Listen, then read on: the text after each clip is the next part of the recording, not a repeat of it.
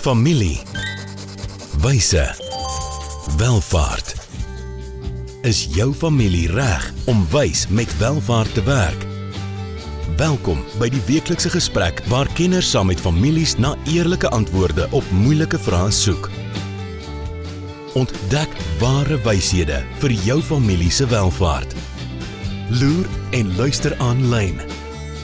RUG Wysheid vir ware welvaart. Baie baie welkom by nog 'n episode van Familiewyse Welvaart. Ja, waar ons hierdie moeilike begrippe neels probeer bymekaar bring om 'n familie te wees en besigheid saam te wees en dan in die proses welvaart te bou het 'n mens beslis wysheid nodig. Verseker, ja. Ja, so 52 weke waar ons elke week met 'n vraag werk, maar dan op die einde van die dag gee ek en Niels vir julle 'n vraag terug. So teen die tyd ken julle ons nou, die van julle wat na die YouTube uitsending kyk. Dis baie van julle wat op een of ander podcast kanaal ook hierna luister. Ehm um, Niels Groblaar, my mede-aanbieder, is ook 'n besigheidsvernoot al vir baie jare, 'n vriend. Ehm um, baie jare ook in familiebesigheid. Ek dink dit kwalifiseer jou primêr. ja, 'n deel van familiebesigheid, ja. Ja. En Niels is verder ouditeur ehm um, wat ons noem 'n CFP, Certified Financial Planner, maar ja, werk al baie jare met uh families en hulle welvaart.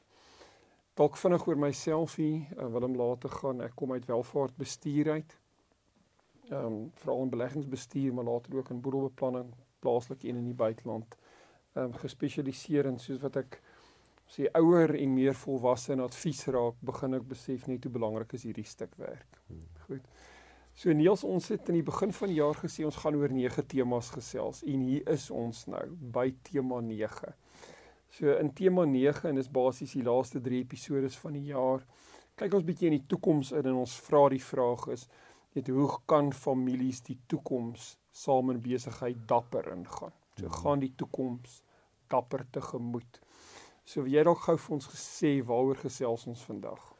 Ja, is eintlik 'n baie interessante vraag en is wat hou die toekoms in vir families met welvaart? Dit klink hmm. na uh, ja, na 'n eenvoudige vraag, maar ek dink dit is baie kompleks. Ja. En ja, om in die kristalbal hier in te kyk van die toekomstendense en sulke tipe van goed ehm um, is is nie noodwendig maklik nie, maar ons gaan ons ons gaan ons besie probeer. So ek dink die eerste ding wat 'n mens hier moet ehm um, antwoord is ek dink families in besigheid word al hoe meer uitgedaag met hierdie hele idee van wat beteken dit om familie te wees. So tradisioneel is families gesien as 'n familiebesigheid en die oudste seun kom en neem die besigheid vorentoe. Ons is op 'n plek nou waar skoonfamilie 'n groot rol in familiebesighede speel, maar ook waar ehm um, die skoner geslag ook baie baie meer prominente rolle in familiebesighede begin speel, ook ook leidende hmm. ehm um, rolle, jy weet. So ek dink ehm um, dis een groot ding waaroor mense in die in die in die toekoms baie dieper gaan dink. So waar familie baie keer tradisioneel gedefinieer word in terme van oorsprong, dan word ons pa te besigheid begin, ek en jy's twee broers. Hmm. Ehm um, ons werk saam in die besigheid. Ehm um, as ons nie biologies broers was nie, dan jy dalk in 'n ander besigheid gewerk en ek in 'n hmm. ander een, maar omdat ons ehm um, dieselfde pa het, is ons saam in besigheid. Dis families van oorsprong. Ons sien nog baie sulke familiebesighede, maar ek dink ons gaan toenemend ook meer familiebesighede van affiniteit kry waar mense weier oor die hele konsep van familie gaan begin dink. Ja, verseker. Ja, ek ja. dink is iets wat ja, ek dink is dit kom saam met die moderne era. So ja, ja ek dink. Ja. So as ons vorentoe gaan gesels oor families wat in besigheid is, dink ek gaan mense eers sê maar hoe verstaan julle familie mm. die konsep van familie? Ja. Uh, dit is dalk nie meer 'n tradisionele familie nie. Mm. So ek dink hier's ook 'n baie groot ding omdat uh, die wêreld so vinnig verander. Pieter Singer het eintlik met hierdie konsep begin van 'n learning organisation. Hmm. Gaan families wie in besigheid is, hulle self as leerorganisasies moet begin sien uh, en verstaan as hulle enigstens 'n kans op sukses hmm. in hierdie kompeterende wêreld ehm um, weet wil hê. So ehm um, en leer hierso beteken iets anders as formele onderrig. Jy hmm weet nie wat jou ervaring van skool was nie, weet uitgedink jy leer, maar daar was vir jou pad uitgewerk. Mm. Laerskool, hoërskool, universiteit, college en ons het dit as leer beskou. Nou, dit was hoofsaaklik onderrig met 'n mm. sekere kurrikulum. Mm. Wat jy langs die pad geleer het is 'n ander storie. University of Life, nee. ja, ja, ja. Ja, gaan ons dit ook op baie gesels oor hoe ontwikkel ons leiers in die besigheid. Ja, en dis baie keer nie deur die formele onderrigprogramme mm. nie, maar dis juist deur die skool van die lewe ja. wat hulle moet gaan leer. Ja, so waar ons ag mense praat van die nuwe ekonomie, hulle praat van die vierde industriële revolusie. Dis 'n klomp verskillende maniere om na na die ekonomiese omgewing waarin die wêreld homself op die oomblik bevind mee te verwys. Ehm um, sien ons dat waar tasbare bates in die verlede ontsettend belangrik was vir vir besighede maar ook families en besigheid om suksesvol te wees. Raak ontasbare bates, die onsigbare goed, hmm. veral vir families en besigheid, ehm um, baie belangrik.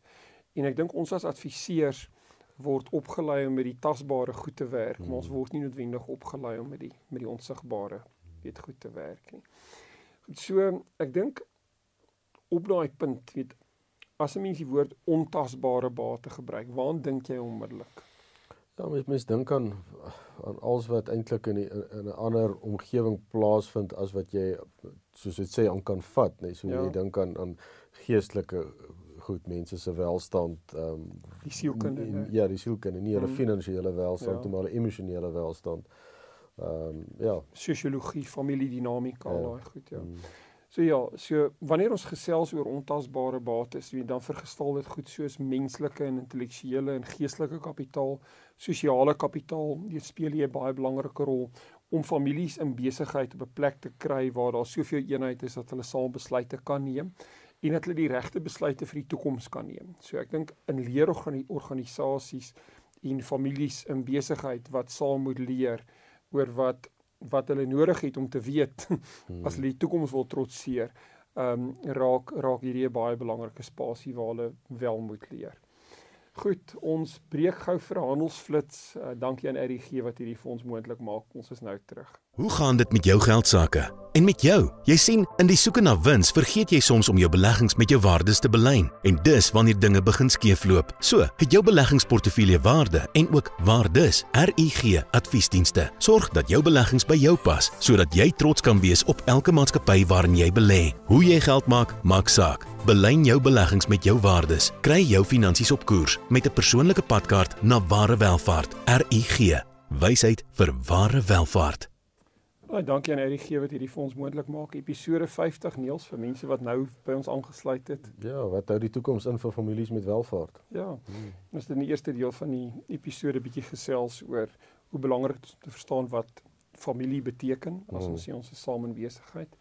En dan in die tweede plek ook hoe belangrik dit is families wie in besigheid is om saam te leer. Hmm.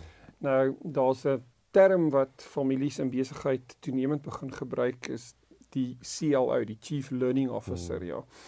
So nou hierdie CLO sal iemand wees met goeie professionele kwalifikasies, integriteit, veral die vermoë om aan die ontasbare kant te werk, hmm. emosionele intelligensie maar ook begrip het, jy weet, van hoe familie oor tyd bates bou, tasbare en ontasbare bates wat dit vir die familie moontlik maak om tipies van die derde na die vierde generasie te kan mm. oorgaan. Met ander woorde om 100 jaar in besigheid te kan wees. En ons het in van ons vorige episode gekyk na die werk van uh, Dennis Jeffrey. Hmm. En dis eintlik wanneer families wie saam in besigheid is kan sê dat hulle suksesvol is. Ja. As hulle die 100 jaar um, merk slaan ja. merk slaan of by daai klap aansluit. Mm. maar 'n chief learning officer speel 'n baie belangrike rol in hierdie in hierdie spasie. Goed. Ons het ook um in 'n klompie episode van die eerste episode wat ek en jy saam gedoen het, baie gesels oor die ontwikkeling van leiers in familie besighede.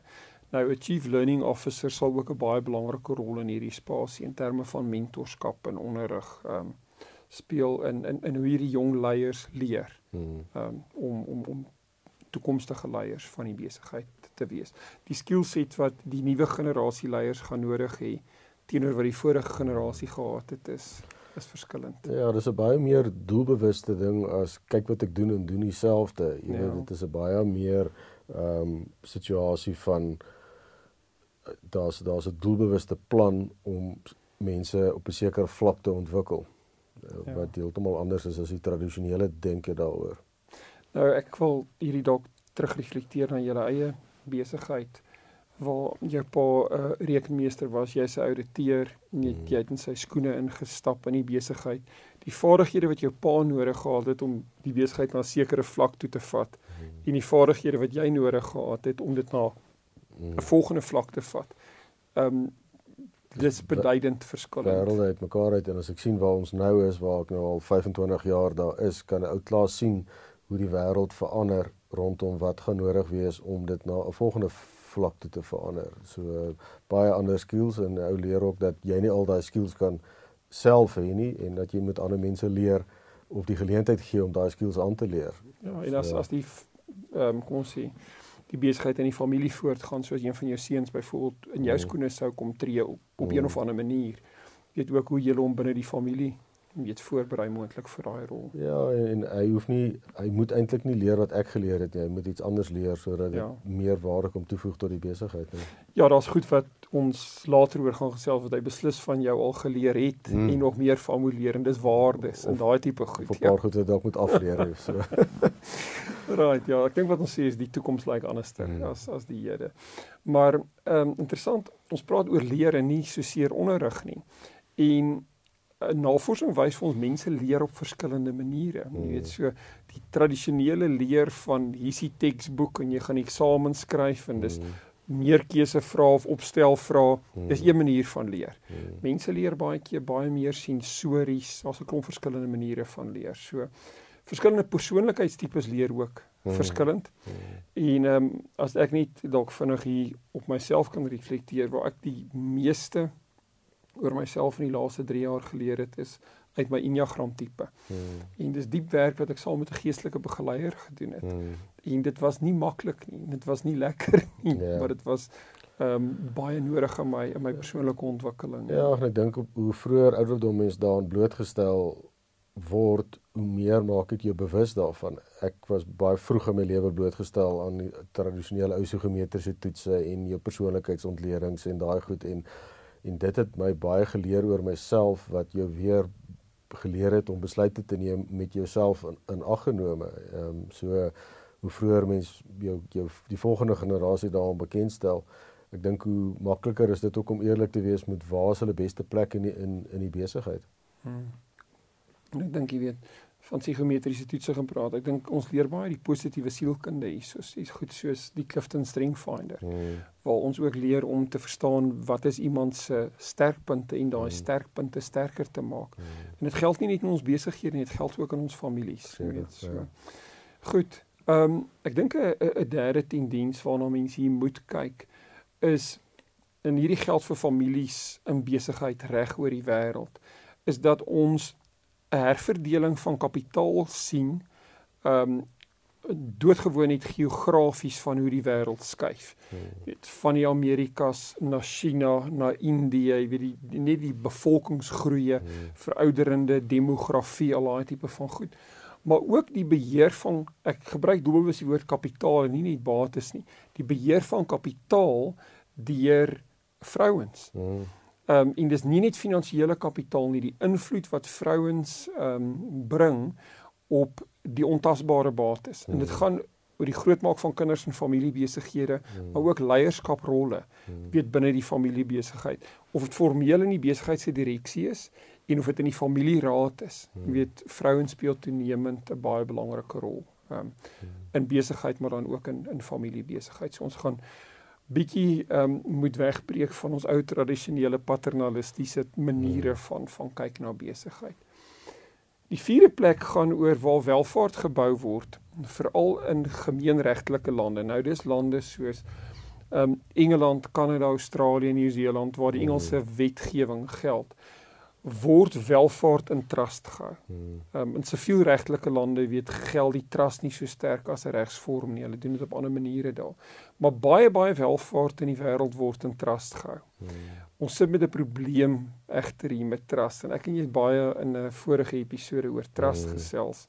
En hoe kies jy 'n goeie trustee? Hmm.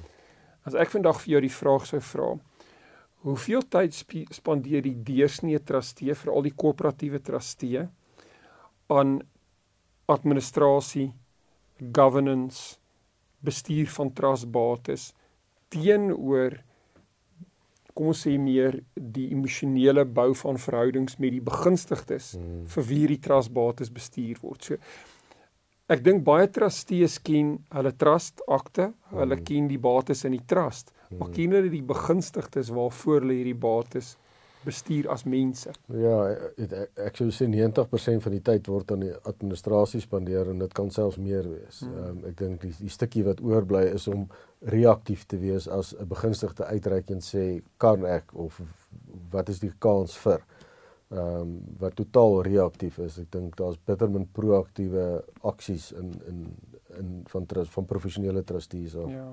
En ek dink dit los baie trust begunstigdes op 'n baie slegte plek mm. waar hulle nie 'n goeie ervaring van 'n trust het nie. Ehm um, en dit los ook baie trustees uit hulle diepte want hulle is professioneel opgelei om sekere pligte te doen, maar hulle is nie opgelei om vir die ontasbare nie. Vir die ontasbare nie. Ek dink ons samestelling van raad van trustees gaan ook oor tyd anders ter lyk. Like, hmm. Waar mense gaan sê, okay, jy het jou beleggingsbestuurder of ouditeur of kom ons sê finansiële persoon nodig, 'n regspersoon, wat ook al, maar jy het ook iemand nodig wat met die harte van die begunstigdes kan werk. Goed. Nou, ek het hierdie nou doelbewus bietjie 'n ander ehm um, skrif gaan sit, amper soos of dit 'n handgeskrewe ehm um, stuk teks is. Ehm um, so stel jou voor jy het 'n familietrust. Die trust kom van jou pa se kant af. Maar in die trust akte en die aanhef van die trust akte wat gaan oor die doel van die trust, het hy die volgende gesê: Hierdie trust is 'n geskenk van liefde. Hierdie trust bestaan om die lewens van sy begunstigdes te verryk. So wat jy onmiddellik daar doen is jy sit 'n stuk menslikheid in hierdie trust.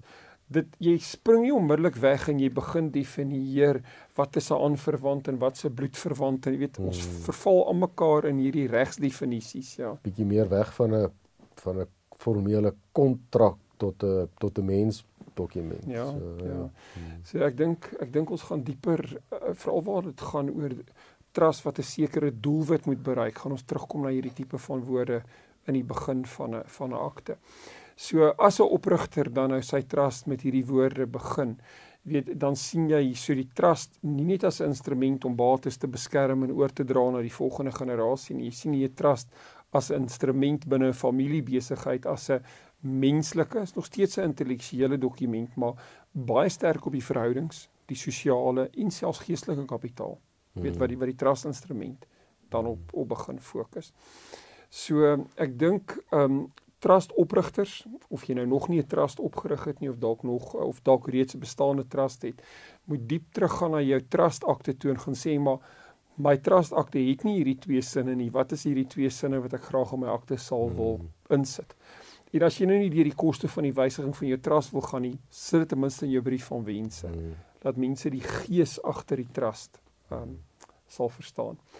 Ja, ons het lekker met julle gekuier. Niels, dankie vir jou insette ook hier. So ek dink is sommer net 'n klompie. Die Engels het 'n woord pointers. Jy weet vir vir die toekoms van familie saam in besigheid maar ook dan uh, weet wat dit vir hulle welvaart beteken. Goed, Niels gaan in aansluiting op hierdie laaste punt waaroor ons gesels het, gaan hy 'n huiswerk vraag aan julle uitdeel. So luister mooi hierna en gaan doen hierdie stuk werk. Ja, nogal 'n swaar belaaide vraag. Ek dink iets hmm. wat wat uh, ek wens ek vroeër in my lewe die vraag voorgevra is waar mense op baie trust dien en dit is hoe kan jou familie se trust met menslikheid vervul wat dit eerder 'n seën as 'n las vir toekomstige begunstig begunstigdes sal maak. Ja. En ek dink die wat hulle trust as 'n las sien sal die vraag baie goed verstaan. Ja, waar dit net oor die admin en al die ja. legalities gaan, maar daai eerste twee sinne in die trust waar ons hier mm. gesels het, is belangrik. Goed, um, ons sien uit om julle volgende week weer te sien, dan gesels ons in episode 51 oor hoe jy jou eie pad vind wanneer dit kom by die bestuur van jou familie se welvaart. Uh nie net met sekere resepte nie, beproefde resepte is goed, maar hoe hoe vind jy jou eie pad? Julle is welkom ook om hierdie kode op die skerm te skandeer, ons te e-pos by info@rig.ac, ons webwerf te besoek by rig.ac. Ja, gaan aanlyn, ehm um, kom ons sê loer en like en luister die van julle wat die podcast doen en ehm um, selfs ons aanlyn kursusse oor die onderwerpe. Is julle baie welkom om met ander te deel as julle waarde hierin vind. Dankie Niels, ons gesels dan volgende week. Volgende keer gesels ons verder oor wyshede wat families nodig het vir ware welvaart.